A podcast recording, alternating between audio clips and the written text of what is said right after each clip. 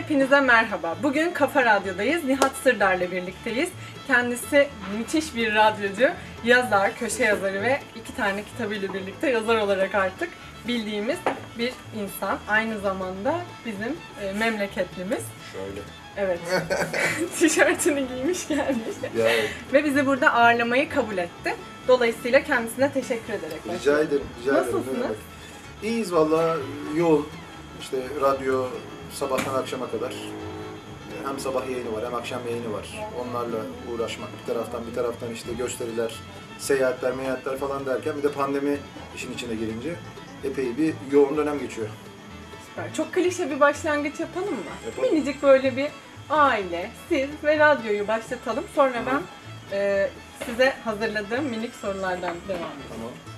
Ee, şimdi baba tarafından aslında İstanbul yani Yedi Göbek İstanbulluyum ben. Hı hı. Ee, ama işte anne tarafında büyüdüm. Yani anneannemde büyüdüm. Anneannemler de 1967'de e, Türkiye'ye gelmişler Yugoslavya'dan.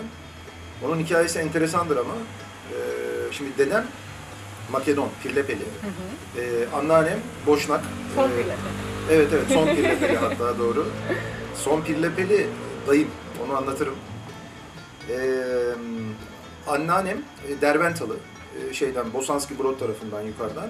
Bu arada ben Derventa'yı ilk önce sizin kitabınızda okudum. Sonra baktım. e, öyle bir kasaba olduğunu öğrendim. İlk Ha, kez duydum. evet, evet çok bilindik bir yer Evet. değildir doğru. O Bırçko tarafına falan Hı yakındır. hı. Ee, ve şey ya dediğim gibi onlar 1967'de geliyorlar ama göç etmeye karar veriyorlar. Ee, dedem bilet almaya gidiyor. Rusya'ya gidecekler aslında. Fakat Rusya treninde yer yok. Çok kızıyor. İşte biletçiyle falan kavga ediyor, mavga ediyor. Ondan sonra o sinirle nereye bilet var diyor. Diyor ki işte İstanbul'a bilet var. Ver diyor İstanbul'a bilet diyor. İstanbul'a bilet alıyor. Tam bir Balkanlı damarı. Ya evet evet aynen öyle tam öyle. Ve e, atlıyorlar trene geliyorlar. Orada tabii burada Bursa tarafında akrabalar var. Daha önceden gelenler var. İşte önce bir Bursa'ya gidiyorlar. Ondan sonra çok kısa orada kalıp dönüyorlar tekrar İstanbul'a ve Davutpaşa tarafına yerleşiyorlar. Cerrahpaşa'nın yanındaki Davutpaşa'ya. Hı hı. Orada da e, tanıdıkları akrabalar var. Bizim Suzan vardı. Suzan kardeşler falan Evet. orada oturuyorlar onlar da. E, et yemez diye bir yer vardır orada. Oradalar. İşte onlara yakın bir yerde bizimkiler de ev tutuyorlar. Öyle başlıyor hikaye. E, sonra 1975'te işte e, babamla annem evleniyorlar. E, ben 76 doğumluyum. Bir tane kardeşim var 80 doğumlu. E, ama dediğim gibi işte anneannemler işte Davutpaşa'da, biz Koca Mustafa Paşa'dayız ve biz sürekli böyle hani haftanın bir günü, iki günü mutlaka anneannemlerdeyiz. Yani şimdi baba, baba tarafımla böyle hani çok fazla ilişki yok. Bayram, seyran görüşmeleri sadece ama anneanne öyle değil şimdi. Ben bir de ilk torun olunca tabii işte teyzeler, dayılar falan daha böyle bir ilgileniyorlar. Ben de iki benimle. tarafında ilk torunum. Ha, öyle mi? İşte e, öyle olunca e, ben anneanne tarafında büyüdüm. Dolayısıyla şeylerle büyüdüm işte.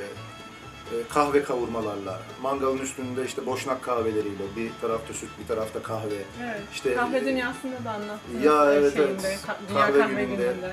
Yani öyle bir çocukluk geçti bende. Ama asıl e, beni etkileyen ve boşnağım dememe sebep olan hikaye ki ben öyle diyorum kendime. Yani ben işte baba tarafı söylenir ama ben gerçekten hem anne tarafında büyüdüğüm için hem bir de e, işte kan çektiği için 8 yaşında Yugoslavya'ya gittik biz. Ben 8 yaşındaydım demek ki O 84 çok ilgimi senesi. çekti. Siz kitaplarınızda da ikisinde de hep Yugoslavya yazıyorsunuz. Çünkü Yugoslavya'ydı o zaman işte. Ama Yani- mesela şu anda da o sevgi, o şey var gibi. Tabii, tabii, bir var. de sizin eskiye bağlılığınızın paralelinde giden bir şey Ya belki ama. şöyle bir şey aslında o. Şimdi Yugoslavya, Yugoslavya'yken yani e, bir aradayken işte bir arada olmasının sebebi Tito. Şimdi onların Atatürk'ü diye bize hep öyle anlatıldı yani. Hı hı. Dedem öyle anlatırdı. Tito Evet. şöyle, Tito böyle, işte Tito şöyleydi, böyleydi, bilmem neydi falan diye. Hep öyle anlatırlardı. Nitekim Tito öldükten sonra da dağılıyor Evet. Yugoslavya. Aslında bir arada tutan çimento oymuş. Ee, ve ben hep öyle dinlediğim için hatta şey vardı mesela benim dedemin Samatya'da bir meyhanesi vardı. Ee, meyhanenin ismi Tito'nun yeriydi. Ya böyle kısa bir dönem açık kalmış ama bir boşnak meyhanesi vardı. Ben işte annem babam Eminönü'ne giderken trene binmeden önce beni ona bırakırlarmış. Ben e, ilk rakıyı öyle içtim mesela. Yani şeyi bilir, şeyi hatırlıyorum ben böyle dedemin işte serçe parmağını böyle rakıya sürüp ondan sonra bir tat bakalım falan diye benim ilk rakı içişim odur mesela. O da Samatya'da öyle içtim ben. Ya dolayısıyla hep e, öyle büyüyünce şimdi bir de 8 yaşında e, hafızanın acayip açık olduğu ve hani şey böyle dolduruyoruz ya. Hı hı. Tam o dönemde ben e, Yugoslavya haliyken gittim oraya. Evet. İstanbul'dan Aksaray'dan otobüse bindik. Ee, böyle bir buçuk günlük falan bir seyahatle şeye kadar Sarajevo'ya kadar gittik. Sarajevo'da indik. Oradan Derventa'ya yine böyle bir iki saat, üç saat falan. Ee, Derventa'da İsmet dayım vardı benim. İşte annemin dayısı. Onlarda kaldık. Orada komşunun bahçesinde bir elma ağacı var. O elma ağacından da e, elmalar şeye sarkmış. İsmet dayının bahçesine sarkmış. Hı hı. Ben de çocuğum. O elmalardan bir tanesini koparmışım. Hı hı. E, belli ki başka bir mevzu var tabii ben bilmiyorum çocuğum. İşte yengemle yani dayımın eşiyle şey arasında, anneannem arasında. Kadın bana kızmış komşunun elmasını niye yiyorsun diye. Evet bu detay yoktu kitapta. He, anneannem de vay efendim sen nasıl benim torunuma bağırırsın falan deyince bir kavga çıkıyor, tartışma çıkıyor. Biz paldır küldür toparlanıp oradan Bırçko'ya geçiyoruz. Teyze, teyzeye bu sefer. Orada kalıyoruz. Ben işte Bırçko'da şeyde hemen yanından Bosna Nehri geçiyor. Bosna Nehri'ne ben, ben mesela çıkıyorum gidiyorum. Hı hı. e, kayboluyorum yani. Oradaki çocuklarla birlikte şey yapıyoruz işte. Nehre giriyoruz falan. Tabii şimdi orada şöyle bir durum var. Ben e, işte küçükken tabii daha böyle hani sevimli oluyor her çocuk hı. gibi. Bir de şeyim sarışın mavi gözlüyüm.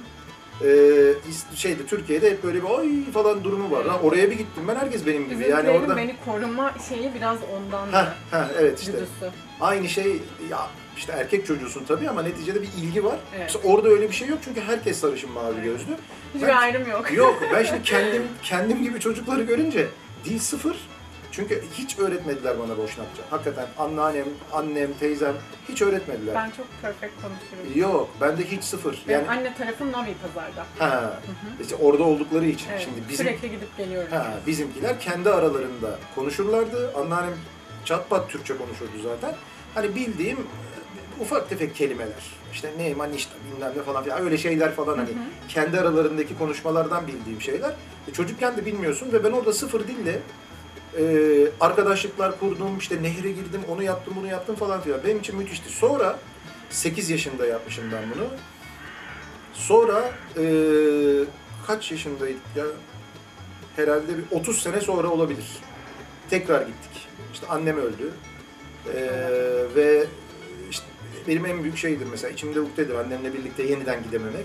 Annem öldükten sonra biz bir gittik e, akrabaların yanına. İşte bir şey Bosna'ya gittik. Onu Bosna'dan araba kiraladık Sarajevo'dan. Derventa'ya gittik. Ve ben e, bir yere geldik. Böyle çarşı vardı Derventa'da merkez. Orada dedim ki bizim akrabalara bir durun. Ben İsmet dayımın evini bulacağım dedim. Ve buldum. Yani yürüyerek sokakların arasından giderek o elma ağacını buldum. Elma ağacı duruyor, ev duruyor, ev yıkık. E, çünkü savaşta e, kapı komşusu İsmet dayımın Hı hı. e, İsmet dayımları kovalamış. Evlerine el Evet, koymuş. Sırp. Sırp bir komşusu bunu yapmış. Kaldı ki şey orası Sırp bölgesi zaten. Evet. Ee, şey tarafı, Derventa tarafı. Sırp kantonunda. Ve o şeyi görüyorsunuz. Yani şimdi mesela kırsala gidince, kırsala gitmiyor insanlar genelde. Ya işte Sarajevo, Mostar. Evet. Oralar turistik yerler ama öyle değil Bosna. Yani kırsalı çok güzel. Aynen öyle böyle değil ve ben Keşfedilmemiş çok fazla yer var hala Ben her daha. gidişimde bir daha aşık oluyorum. E işte onu söyleyeceğim ben. Yani bir kan çekmesi diye bir şey var. Yani memleket diye bir şey var. Ben ilkokulda şunu yaşardım. Ben bu kitabı açtığımda ilk memleket yazısını okudum. Ha, Şey soracağım size ona başlamadan. Demişsiniz ki mesela İsmet dayının olduğu bölümde Derventa'da köprüden balıklara ekmek atıp Avustralya'da mezarını ziyaret edeceğim. Bu kitap 2016'da. evet doğru. Yaptınız mı bunu? Ee, Henüz yapmadım. Derventa'da balıklara ekmek attım ama Avustralya'ya gidemedim daha. Ama Bunu merak ediyorum. tabii tabii aklımda gideceğim. Mutlaka gideceğim. Orada çocukları var, Hı hı. e, torunları var. Onları da bulacağım. E, mezarını da ziyaret edeceğim İsmet dayının. Yapacağım onu yani. E, Ama Derventa'ya gittim. Balıklara ekmek attım. O köprüyü buldum. Yani o köprüye giderken fırından aldığımız ekmeğin e, şeyi kokusu hala, tadı hala damağımda, kokusu burnumda. Ya o kadar iyi hatırlıyorum ben. Oradaki her şeyi böyle film karesi gibi hatırlıyorum ve dediğim gibi ben oraya gittiğimde hakikaten kan çekiyor.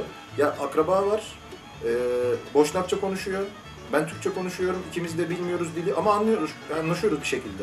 Ya bu, bu bunu başka türlü tarif etmek mümkün değil yani. Bir şekilde Kesinlikle. bir şekilde anlaşıyor insan. Gerçekten anlaşıyor yani. Bir de orada bu arada çok fazla şey olmaya başladı artık dizilerden mi bilmiyorum. Bir de hep Türklere olan bir ilgileri Ha, vardı ha. oradaki insanların. Çok fazla Türkçe konuşan insan oluşmaya başladı. Hı hı. Oradan Türkiye'ye gelip e, üniversite bitiren eden çok insan var. Hı hı hı. Arkadaşlarım falan var orada. Ben ne yazık ki hala Bosna'ya gidememiş biri olarak Ha. çok üzülüyorum. Ben Makedonya'ya da gittim. Yani Makedonya'yı da bilirim. Ee, işte Sırbistan'ın da birkaç bölgesine böyle gittim. Ama işte o kan çekmesinden olabilir. Memleket sevgisinden olabilir. Ben gerçekten şey yani böyle oraya gittiğim zaman bambaşka hissediyorum. Yani Sarajevo'ya uçaktan iniyorum. İndiğimde bambaşka hissediyorum. Bu e, pandemiden önceki sene karayoluyla gittim ilk Hı sefer. hı. Ee, şeyden e, Kotor tarafından Sizin otobüsle mi yoksa? Yok ben normal Ha. minibüste. Bizim otobüs, benim otobüsle otobüs daha o zaman yoktu. Hı hı. Yeni yapıyordum onu. Ve minibüste gittik. Ee, böyle bir- uzun bir Balkan turu yaptım ben hı, yani işte hı hı. şeyden Yunanistan'dan yukarıya Makedonya'ya geçtim. Makedonya'dan Arnavutluğ'a geçtim. Ee, şeye e, Kotor'a gittik. Kotor'dan yukarıya Bosna'ya, Bosna'dan Belgrad'a, Belgrad'dan döndüm bu tarafa doğru. Ama o mesela Kotor-Bosna yolunu ilk defa gittim ben. O milli parklar var. Onların içinden geçtim. İnanamadım. Yani ben her gittiğimde başka bir şeyle karşılaşıyorum Bosna'da. Sarajevo'ya zaten aşığım. Yani oraya gittiğimde bir acayip melankolik bir şehir orası çok. Yani savaşla ilgili tabii çok şey okuduk biz. Benim tam böyle ergenlik dönemime denk geldi. Biz buradan, yani oradan çok insanı buraya getirdik. Ee, bizimkiler hani bunların hepsini yaparken, operasyonları yaparken, buradan yardım gönderirken, kimi savaşmaya giderken, oradan insanlar buraya geldiklerinde burada kalan insanlara yardım ederken hep onların yardımcısıydım ben. Bir şeyler yapmaya çalışıyordum. Belki de onun etkisi. O yüzden hep böyle aklımda Sarajevo şeyle, savaşla kalmış. Mesela oraya yönelik hayal ettiğiniz, yapmak istediğiniz bir şey var mı? Ya ya aslında var tabii. Ya ben hani şöyle ben bir ayağım orada olsun isterim. Hı hı. Yani öyle bir şey isterim. Ama burada burada bile kendime ben hani İstanbul haricinde bir yere ayak koyamadığım için yani burada iş yüzünden buradan ayrılamadığım için yapamıyorum onu. Yoksa şey gibi hayal- düşündüm böyle, şey sorguladım yani kendi içimde okurken işte Tito'nun yeri dediniz mesela, Ha, ha. o mekanıydı. Şimdi siz radyo yayınlarında, kitaplarda bile böyle yemekler, restoranlar bir şeyler Hmm. anlatınca bizim ağzımız sulanıyor ya. Hı. İşte araba kullanıyor atıyorum, rotayı hemen oraya çeviresi Ya. geliyor insanın falan. Mesela o kadar gittiğiniz Balkan ülkesi oldu. Oralardan işte kesinlikle şuraya gidilmesi lazım, şurada şunun yenmesi lazım dediğiniz Ha, bir şey var onlar, mı? onlar Aa, var. canım. ağzımız sulanmasın. ya, onlar var olmaz olur mu? Ya şimdi mesela Sarajevo sadece bü- e, börek yemeye Sarajevo'ya gidilir. Orada bir tane börekçi var baş çarşıda. Hı hı. Ee, şimdi ismi neydi? Tam böyle ya gidince ben elimle koymuş gibi buluyorum da böyle ara sokağın içinde küçücük bir, bir börek dükkanı. Ondan daha güzel börek yapan bir yer yok ama. Yani var, birçok yer yapıyor fakat onun kadar güzel börek yapan gerçekten yok. Ya benim çocukluğum geçtiği için börekle anlarım yani. Ee, işte unudu, hamuruydu, ne bileyim ben içine koyduğu malzemesiydi falan gerçekten on numara yapıyorlar. Yani mesela oraya mutlaka Sarajevo'ya gidince gidilmesi lazım. Orada yenmesi lazım. Paşteti çok severim ben mesela. Oraya Ya, Ben gittiğimde de benim çocukluğumun en güzel sosu ya falan or- oraya gittiğimde mutlaka ben bol bol paşteti alırım. Onu yapmak lazım. Bas Bosna'ya gidince mutlaka pazar yerine gitmek lazım. Pazar yerinde e, işte kapalı pazar alanı var. Kapalı pazar alanının yanında bir tane de sokak var. O sokaktaki tezgahlar e, şeyli gazilerin gazilere ve şehitlerin yakınlarına verilmiş. Onların Hı hı. eşlerine verilmiş. Onlar işletirler orayı. Ben ekseriyette alışverişi oradan yaparım. Ve onlar da şey yaparlar, köyden kendileri getirirler. Mesela fasulye getirirler. Hı hı. Anneannem fasulye derdi. Ee, bir kuru fasulye tadı enfestir yani eşi benzeri yoktur. Mesela oradan mutlaka kuru fasulye almak lazım. Oradan alışveriş yapmak lazım mesela. Yani Bosna'ya dair, Sarajevo'ya dair, ha sonra baş çarşının içinde ben mesela nargile içerim şimdi bundan sonra söyleyebiliyoruz, radyoda söyleyebiliyoruz. nargile, sigara içmem, hiç içmedim ama nargile işte böyle arada haftada bir, ayda bir falan içerim öyle. Orada eskiden de mi vardı öyle bir kültür acaba? Şeyde mi? Bosna'da mı? Bosna'da. Bosna'da var mıydı yok muydu bilmiyorum ama İstanbul'da vardı. Şöyle vardı. Beyazıt'ta şey vardır. Çorlu Ali Paşa vardır. E, o orada hep nargile vardı. Ben içmezdim ama bilirdim. Onun tam karşısında Kubbealtı Musiki Cemiyeti vardı. Ben oraya gider gelirdim teyzemle. Onun tam karşısında Çorlulu vardı ve orada hep vardı. Yani geçmişte zaten İstanbul'da çok var. Sonra bir kaybolmuş. bir iki yerde kalmış. Ee, Sarajevo'da da baş çarşıda tam böyle bir bedestenin içinde bir yer var. Nargileciler var böyle yan yana. Şimdi bizimkilerden alınmasınlar ama bizimkilerden iyiler nargile yapma konusunda. Çünkü sahte bir şey kullanmıyorlar. Öyle bir şey yok orada. Bizde sahte tütün çok kullanılıyor. Orada onu, kullanmıyorlar, etmiyorlar falan filan. Ya orada oturup hava ne olursa olsun ama sıcak, soğuk ben onları hepsini gördüm orada. Orada oturup işte arada kahve söyleyip, boşnak kahvesi söyleyip e, bir günümü geçirebilirim. Ki geçirmişliğim de var yani. Oturup akşama kadar geleni geçeni izleyip, oradaki muhabbetleri dinleyip, şunu mu diyorlar, bunu mu diyorlar diye anlamaya çalışıp bir günümü geçirebilirim ve yapıyorum onu zaman zaman gittiğimde oraya yani. Ya bunları mutlaka yapmak lazım Sarajevo'ya gidince. Muazzam. Hmm. Şimdi Makedonya'ya Makedonya'ya gidince de orada, işte orada mesela şey yiyeceksiniz, kuru fasulye. Ama kuru Kuru fasulyeyi, e, şimdi kuru etli, o efsane zaten, o başka bir şey. Kuru etli, kuru eti e, Bosna'dan alacaksınız bir kere. Onu söyleyeyim. Birçok yerde de güzel yapıyorlar ama ben Bosna'dan aldığımdan hep memnun kaldım. Makedonya'dan aldıklarım değil, Bosna'dan aldıklarım çok iyi çıktı. Ama kasaptan aldım ben böyle hazır paket değil. Kasabın kendi yaptıklarından aldım. Ee, Makedonya'da etli kuru fasulye dediğin zaman fasulyenin üzerine köfte pişirip koyuyorlar, getiriyorlar. Aa bunu hiç bilmiyordum. Ya böyle bir şey var. Biz Ohri'ye gittik 3-5 sefer. İşte Ohri'de bir akşam böyle bir e, şey hani o turistik bölgeden çıktık. Arka sokaklara girelim bakalım orada ne var ne yok falan filan derken bir tane lokanta bulduk böyle gayet salaş. Dedim ki burası iyi buraya girelim. O konularda genelde benim şeyim tutar. Hani böyle bir görselden anlarım ben. Neyse gittik. Ondan sonra baktım fasulye var. Dedim fasulye etli mi? Türkçe böyle yarım yamalak var orada çok. Ondan sonra dedim etli. Pat iki tane köfte geldi üstüne. Allah. Şaşırdık biz de Allah Allah falan dedik ama orada öyleymiş. Mesela onu orada öyle yemek lazım. Bir de onu denemek lazım yani. Ben ilk defa duyuyorum böyle bir şey. Hiç Ya, duymamıştım. ya. Yani çevape kuru fasulyenin yani çevape ya bizde. Şimdi Ha, ha, ha. insan bir garipsiyor yani. Hmm. Ya cevapi zaten ayrı bir şey. Yani o, o ayrı lezzet. Onu da Bosna'da, e, Sarajevo'da hangisinde yiyorduk biz ya? O şey meşhur olanında değil ama onu söyleyeyim. Bizim eski bir futbolcu var ya, e, orada birkaç tane dükkanı var. Eski Galatasaraylı.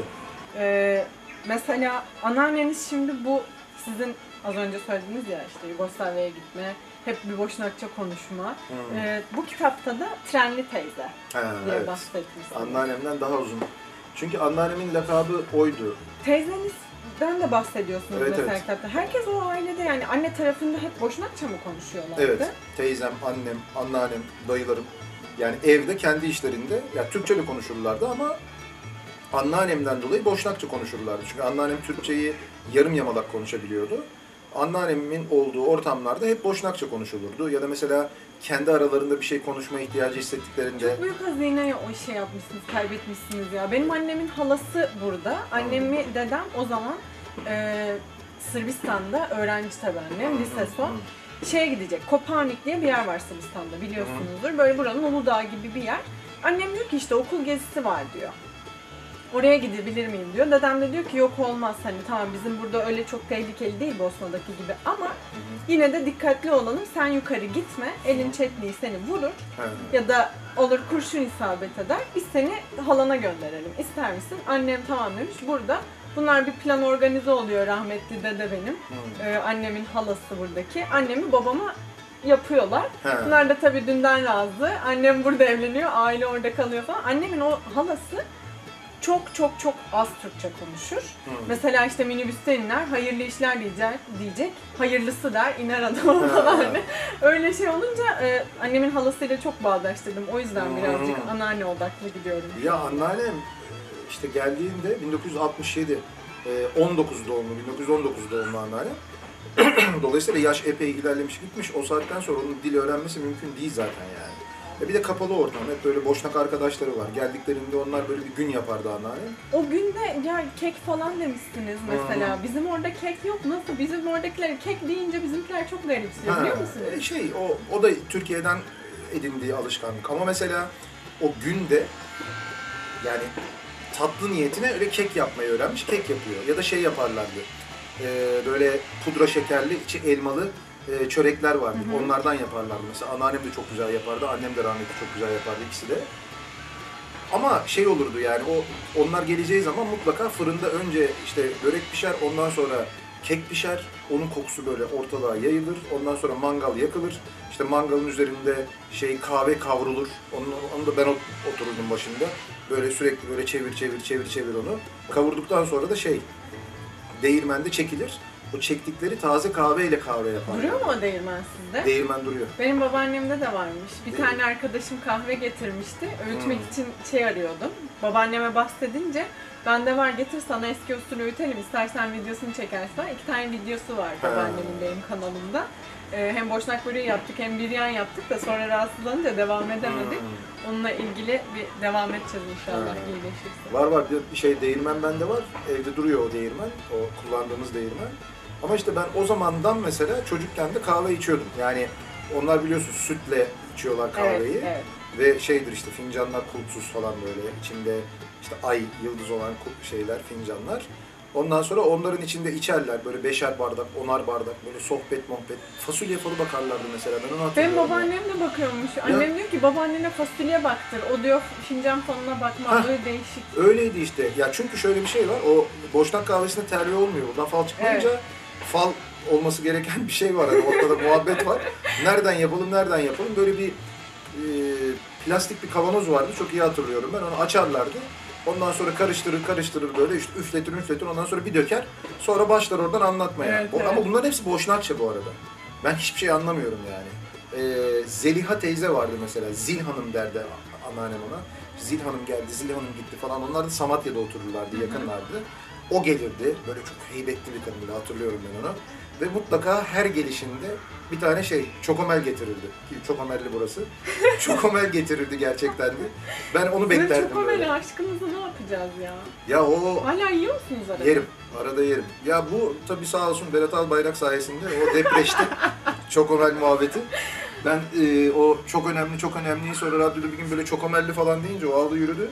Ondan sonra da şey oldu. Bana böyle deli gibi çok ömer getirmeye başladı dinleyiciler. Ben yeniden ona bağımlılığına bir döndüm. Şimdi yemiyorum ama bu ara. Sizin Wikipedia'da e, şey diye yazmışlar. e, Türkiye'nin en çok Rütük'ten uyarı alan radyocusu Doğrudur. diye. Çok saçma. Vallahi saçma değil burası Türkiye. Evet Yani, yani, şu doğru. anda şu anda yaşadığımız şey iklim, siyasi iklim. Ya ben 25 yıldır radyoculuk yapıyorum. Böyle bir dönem yok. Yani bu kadar fazla sansürün, bu kadar fazla dayatmanın, bu kadar fazla e, yasağın olduğu bir dönem yok yani. İşte dün akşam burada Metin Akpınar'la birlikteydik biz. E, uzun böyle bir gece bir sohbeti yaptık falan. İşte o dönemi konuştuk, bu dönemi konuştuk. Yani bir de Metin abiden dinleyince bizzat o dönem yani 80'leri, 70'leri, 80'leri yaşamış 80'lerde, 90'larda bile e, o işte o oyunlarla ilgili sansürlerle uğraşmış bir insanla konuşunca ve ondan da aynı şeyi duyunca ben kanaat getirdim. Dedi ki bu dönemin dedi eşi benzeri yok dedi o da. Aynı şeyi söyledi yani. Bizim, biz bayağı böyle bir şey yaşıyoruz ya. Kabus yaşıyoruz öyle söyleyeyim yani. Çok üzücü. Çok yazık. Hmm. İnşallah e, daha fazla sürmez diyelim. Ya her şeyin bir sonu var da çok uzun sürdü. Herkesin e, ortak şeyi o yani işte böyle bir 15 yılımız, 20 yılımız böyle böyle geçti. Ya kimisi için iyi tabii, biraz göreceli. Yani bu durumdan çok hoşnut olan, memnun olan var. E, yine güzel falan diyen var. Böyle olması lazım diyen var. Ben demeyenlerdenim. Böyle olmaması lazım. Kesinlikle. Yani böyle olmaması lazım. Bu kadar fazla sansür. O yüzden ya ben niye hakikaten de Rütük'te en fazla dosyası olan radyocu ben olayım yani. E tabi. Ne gerek zaten. Ya niye e, her lafımızı, her şeyimizi e, denetliyorlar? Ya ben 20 yıldır çalıyorum bir şarkı var, bir türkü var mesela. E, şeyin Ankaralı Turgut'un Afyon'dan vekilime kaymak lazım diye bir türkü var. Aynen. Ay 20 yıldır çalarım ben bunu ama. 20 yıldır radyoda çalarım. İlk defa bu sene o şey yüzünden, o türkü yüzünden e, ceza aldım Rütük'ten. Hiç şey oluyor musunuz ama mesela böyle atıyorum e, yaptınız, bir şey söylediniz. O anda size gayet okey her şey. Hı. Sonra böyle durup "Cık, onu demese miydim ki ya? Oluyor musunuz? Şöyle oluyor. e, Çok şimdi- ağır oldu be. Yok yok hayır değil. Şey, şöyle, işte otosansür aslında o işte. Hı hı. Zaten en tehlikeli sansür otosansür. Biz o seviyeye geldik şu anda. Kendi Evet. kendimizi sansürlüyoruz. Fakat şöyle bir avantaj var bizde. Ben şimdi bir şey söyledim mesela. O dediğinizi ben hani o böyle uzun uzun anlattığınızı ben çok kısa sürede yapıyorum. Bir şey söylüyorum, söylediğim anda aha bunu söylemeyecektim deyip geciktirici var ona basıyorum ve siliyorum onu canlı yayında. Oo çok iyi. Böyle bir trik var. tabii tabii. Böyle bir imkan var. Teknoloji var çünkü. Ve ben onu yani benden başka da öyle kullanan yoktur diye düşünüyorum Türkiye'de radyocular içinde. Yani hani konuşmadım diğer radyocularla ama ben kimseden duymadım böyle bir şey. Ben söyleyeyim, söyledikten sonra Sizin yaptığınız hiçbir şey bence hiçbir arkadaşınızın yok. Yani olabilir. Hızla düşünüp ben kendi kendime hem ona söylediğim cümleyi tık diye siliyorum. Onu yapıyorum yani.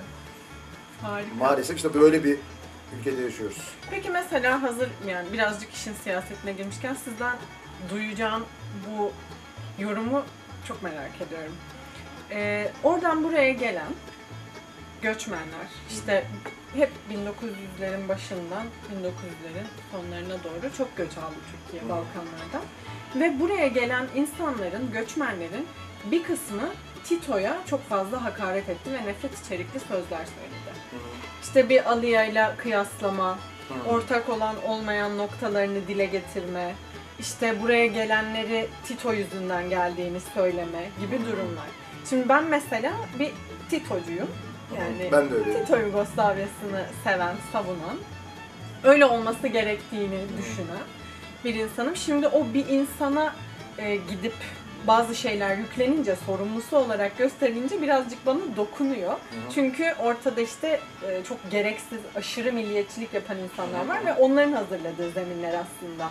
Doğru. E, o kadar katledilen insanın e, olması, isimlerinin Srebrenica yıl dönümünde bir şekilde anılması vesaire. Şimdi siz o kısma nasıl bakıyorsunuz? Yani bunun sebebi sizce ne olabilir? Ya Böyle bu- düşünülmesi. Şöyle aslında bizim Türkiye'de bu dönemde çok sık yaşadığımız Atatürk tartışmasına benzer bir tartışma. Şimdi eee, o dönem Yugoslavya'da Tito'ya istediklerini söyleyemeyenler buraya geldikleri zaman burada konuşuyorlar. Geldikleri zaman da buradaki savları dinimizi yaşamamıza engel oldu Tito şeklinde. Aslında yine din eksenli.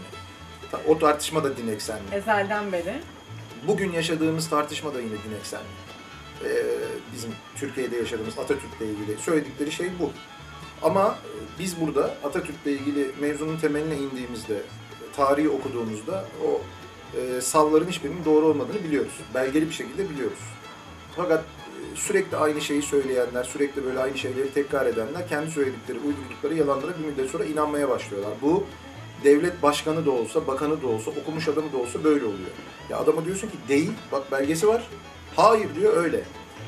Biz kendi tarihimize bakınca anlıyoruz ki Kurtuluş Savaşı'na da karşı olanlar, e, işte İngiliz'e ya da işte işgalci kuvvet kim varsa onlara karşı e, bir mücadeleye girilmemesini isteyenlerin çocukları, torunları, devamı bugün bunları söyleyenler. Yani köklerine indiğinizde aynı şeyi görüyorsunuz. Nitekim Yugoslavya'dan gelip burada Tito ile ilgili aynı şeyleri söyleyenlerin de kökenine indiğiniz zaman aynı şeyi görüyorsunuz.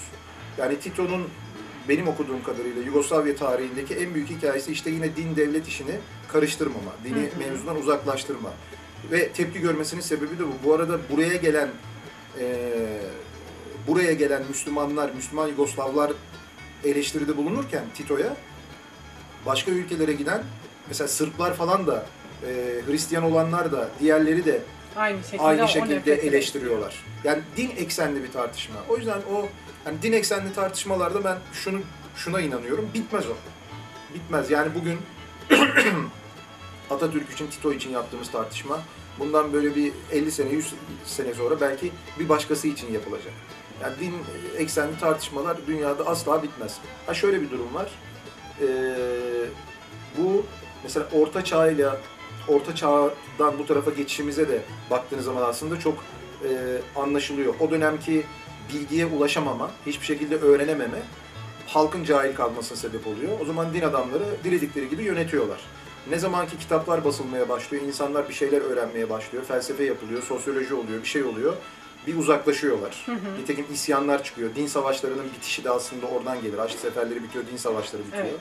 Evet. E, şimdi şu anda yaşadığımız 2020'de de her şey burada artık. Her şey burada. Siz e, Z kuşağı diye aşağıladığınız çocuklar, gençler her şeyi buradan öğreniyorlar. Dini de buradan doğru mu değil mi onun söylediği, var mı öyle bir şey, yok mu? Böyle bir şey yok. Eskiden var mıydı böyle bir şey? Biz oturacağız, konuşacağız, adam bana gelecek abuk subuk bir şey söylüyor. Atatürk böyle demiş falan diye. Ha diye böyle bir aklında soru bir ben mi gideyim ansiklopediye bakayım dersin. Öyle bir şey yok. Ne zaman demiş? Şu tarihte demiş. Bakıyor, hayır dememiş. Diye direkt karşına bununla çıkıyor. Bu iletişim çağında artık insanları böyle şeylerle kandırmak pek mümkün değil. Yani bundan sonra o tartışmalar ne kadar bizde eski usul devam ettiriliyor olsa da biz bunu önümüzdeki seçimlerde göreceğiz. İlk defa oy kullanan gençlerin oy kullanma alışkanlıklarından da göreceğiz. Verdikleri oylardan da göreceğiz ki bir önceki seçimde gördük onu. %78, %80 karşıt oy veriyor. Dolayısıyla biz o Z kuşağının hatta bence Y kuşağının da aynı şekilde eee, bu iletişim olanaklarını kullanarak o tartışmaları bitireceğini hep beraber göreceğiz. İnşallah. Öyle Benim olacak, mesela e, babaannemin amcasının evinde annemin de, e, annesinin teyzesi oluyor aynı zamanda Hı. onun eşi. E, şey var. Atatürk, Tito'lar. Yani. Sizin de evde Bizde de var öyle, mıydı öyle Bizde de bir vardı. şey? Dedem İşte ben o noktada takılıyordum hı. özür dilerim. Yani hayır, bu kadar insan bunu anlatıyor. E, benim yanımda böyle bir tablolarda takılıyordum. Sizin yorumunuzu o yüzden merak ettim. İşte onu da mesela okuyunca öğreniyor insan. Tito'yu hiç bilmeyen birisine, Yugoslavya'dan gelmiş birisi Tito böyle böyle böyle diye anlatırsa ha der o yıllarda. İşte 60'larda, 70'lerde, 80'lerde. Şimdi bugün birisi gelsin bana anlatsın. Ben açarım bakarım neymiş falan diye okurum yani ama bir bilgiye ulaşmak bu kadar kolay artık. Ulaşılabiliyor.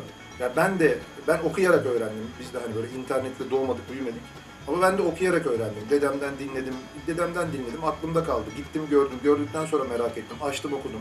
Ya biraz tarih okuyunca anlıyorsun aslında yani ne olduğunu. Tarih bilgi demişken e, biz Srebrenica'da olup bitenleri bu arada en yakın tarihten konuşuyorum. E, internetten görüyoruz. Hı hı. E, okuyoruz, işte bir şekilde bilgi sahibi ol- oluyoruz, belgeseller çekiliyor, röportajlar yapılmış vesaire. E, 11 Temmuz'da bu yıl Bosna'dan bir arkadaşım bağlandı, yayın yaptık. Hı hı. Bosna'da ders kitaplarında Srebrenica'ya dair hiçbir bilgi yokmuş, Evet. verilmiyormuş.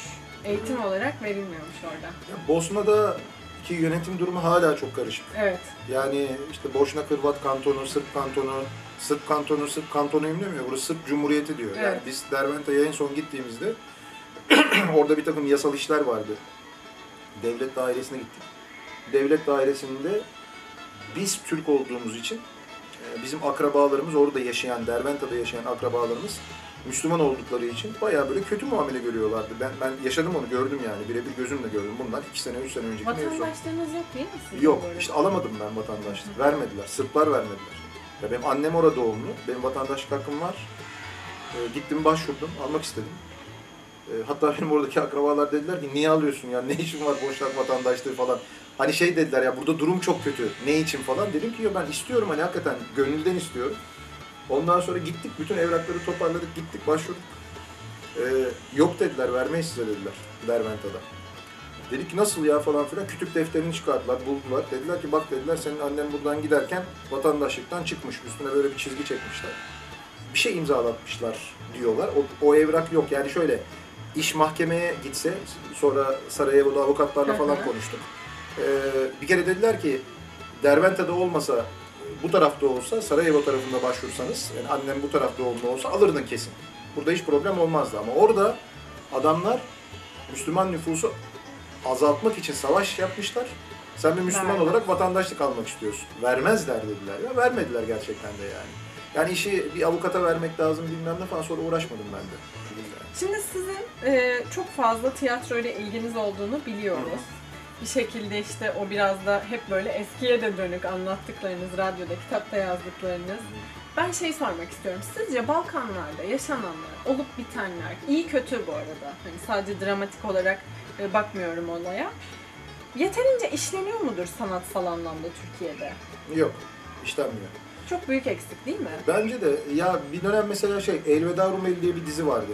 Şimdi çok popüler olduğu için dizi kültürü ondan bahsediyorum Yeni ben. bir proje varmış galiba bu arada. Öyle mi? Var Ee, mıymış? Duydum, öyle bir e, duyum aldım. Hı. Biraz mutlu oldum. Hatta iki gün önce Instagram'da baktım. Ee, bulursam göstereyim Hmm. Bilmiyorum onu ama işte bir dönem yaptılar onu mesela. Elveda Rumeli yaptılar. Deli gibi de izlendi. Çünkü çok fazla şey var, boşnak var. Çok fazla Balkan göçmeni var bu memlekette. E, bir de e, Balkan göçmenlerine sempatiyle bakan da çok büyük bir kesim var. Hı hı. Mesela Egeliler öyledir. Akdenizliler de öyledir. Ya yok mudur e, ters bakan? Yok mudur? Ama işte o az önce anlattığım tipler onlar. Yani bu Kurtuluş Savaşı'na karşı olanların torunları, morunları falan filan onlara sorsan biz şey değiliz. E, suyun öte yanından geldik. Biz Hı hı. Rum elinden geldik. Biz Türk değiliz. Hala böyle kafası çalışan var. ya bu kadar cahil olan var. Tamam onu kabul ediyorum ama onlar az. Yani büyük kesim bir arada yaşamaya alışmış. Üstelik çok büyük sempati duyuyorlar. Dolayısıyla öyle işler yapılsa bence e, ilgi görür Türkiye'de. Nitekim işte deneniyor. Elveda Rumeli'de gördük biz. Ali Evet. Atay bir film çekti. Limonata Evet, mesela evet. izlediyseniz. Bayıldı herkes ona. Yani Evet, şahane. e, şahane bir filmdir mesela. Yani ortak o kadar çok şey var ki e, bu topraklarla. Daha fazla iş yapılması gerekirken yapılmaması enteresan Kesinlikle. hakikaten. En son Annemin Yarası diye bir film vardı. Evet. Orada mesela o kadar fazla eksik vardı ki Hmm. ben üzüldüm. Hani biraz daha fazla öne çıkarılması gereken çok fazla nokta vardı. Hı hı hı. Mesela onun sonrasında Naim Süleymanoğlu'nda çok güzel yansıttılar. Birçok şeyi çok e, doğru Çok güzel anlattılar. Aynen öyle. Yani eksik ama e, Birkaç eksiği var. Kronolojik bir iki hata da var Ya. galiba ama sonuç itibariyle çok güzel yansıdı bize. Yok yok güzel. O yakın tarih konusunda son dönemlerde yapılmış en Evet. güzel filmlerden bir Evet, tanesidir. Ben onun e, gösterime girmeden önce gittik beraber izledik böyle bir grup arkadaş. Böyle bir radyoculara özel gösterim yaptılar. Ben sonra e, işte yapımcısıyla falan da oturduk böyle sohbet ettik. Ya sinema olarak konuşulur, tartışılır ayrı bir şey ama gerçekten de hani hikayeyi ele alış, anlatma şekli, oyunculuklar, oyunculuklar çok iyiydi. Ya onun gibi o kadar çok Balkan hikayesi var ki aslında. Ve doğru Türk sineması sinemacılar da bence buna yeteri kadar ilgi göstermiyorlar. Evet evet. Üzüntüsüyle de eğlencesiyle de Balkanlar çok şey bir bölge. Milleti de aynen öyle. Çok zengin. Hmm. Çok fazla duygularını yansıtan, yaşamayı seven Evet. millet. Mesela size de bakıyorum. Siz gerçekten tipik bir boşnaksınız. İşte diyorum ya hani okurken ağladığım bir iki nokta oldu. Ama mesela deli gibi de eğlendim. Hani o hep böyle. İşte EmirKusturica'nın filmlerinden işte en bilineni Underground, işte Çingeneler Zamanı. Orada bir üzüntü hakim ama insanlar yine de böyle bir işin eğlencesine gidiyorlar. Kesinlikle. O muazzam bir şey. Mesela o tarz bir çalışma, bir proje gelse Hmm. bir şekilde içinde olmak ister miydiniz? İstemez miyim? İsterim. Elimden gelen ne varsa yaparım. Ben, gel şimdi, insanım neticede. Benim yeteneklerim sınırlı. Benim en büyük yeteneğim e, konuşabilmek. E, Avantajım da mikrofona konuşabilmek. Ve insanlara kendimi dinletebilmek. Dolayısıyla ben hiçbir şey yapmasam, inandığım doğru düzgün bir proje varsa ona radyodan destek veririm. Ya bunu yapabilirim en azından. İşte çok sıcak örnek. Şimdi Metin Akpınar belgeselini izledik biz e, dün gece burada Hı hı. özel bir gösterim yapıldı. Şimdi o işin içinde değildim. Çok da olmak isterdim ama ben hani ama burada izledik birlikte. Ben ağladım belgeseli izlerken burada. Yani birkaç işte Şevket Çoruk vardı. Ya böyle ağlayarak izledik biz. Böyle yani baya baya ağlayarak izledik belgeseli. De Metin Akpınar'la birlikte izledik. Şimdi ben ne yapabilirim bununla ilgili? Ben hemen yönetmenine de, işte senaristine de, Zeynep'e de söyledim yani ben işte yayınlanacağı yer belli olsun. Ben deli gibi duyurayım bunu. Ben bunu yapabiliyorum en azından. Hı hı. Bir Balkan projesi olur. Ben bunu yapabilirim. Başka ne yapabilirim? Ne bileyim ben hani ne isterlerse yapabilirim ben. Elimden gelen ne varsa. Radyoda bazen e, özellikle de sabahları Boşnakça şarkılar çalıyorsunuz. Ha, evet. Mesela şey soracağım. En sevdiğiniz e, Boşnak ya da Balkanlı şarkıcı, sanatçı, şarkı nedir Ya sorsam. çok belirgin bir şey söyleyemem ben. Ben bir, tamamen şey bilmediğim için boşnakça. Kulağıma kulağa hoş kulağıma geliyor. hoş gelen ne varsa bir yerde duyduysam işte mesela şimdi şey e, Kaju diye bir şarkı çalıyorum ben. Bu işte Bosna'nın Athena'sı gibi bir grup var şimdi. Hı hı. Neydi isimleri çocukların unuttum. E, ama şeyler yani işte e, Bosna'nın Athena'sı gibiler onlar Hı hı. ve öyle bir müzik yapıyorlar. Ve e, onların albümlerini dinledim. Bir yerden duydum. Yine böyle Twitter'dan olabilir mesela. İşte sizin gibi hesaplar takip ediyorum ben. O yüzden takip ediyorum, besleniyorum. Birisi ya işte şarkıları şöyleydi falan diye bir dinledim. Hemen girdim. YouTube'dan başladım onların diğer albümlerini, şarkıların kliplerini izlemeye. 2-3 tane şarkıya bayıldım. Şarkıları indirdim, e, attım arşivime ve programda çalıyorum. Şimdi sözlerini bilmiyorum. Mesela o çaldığım şarkıda Bayağı şeydi işte marihuana da ne kadar iyi gider şimdi Evet. falan diyormuş.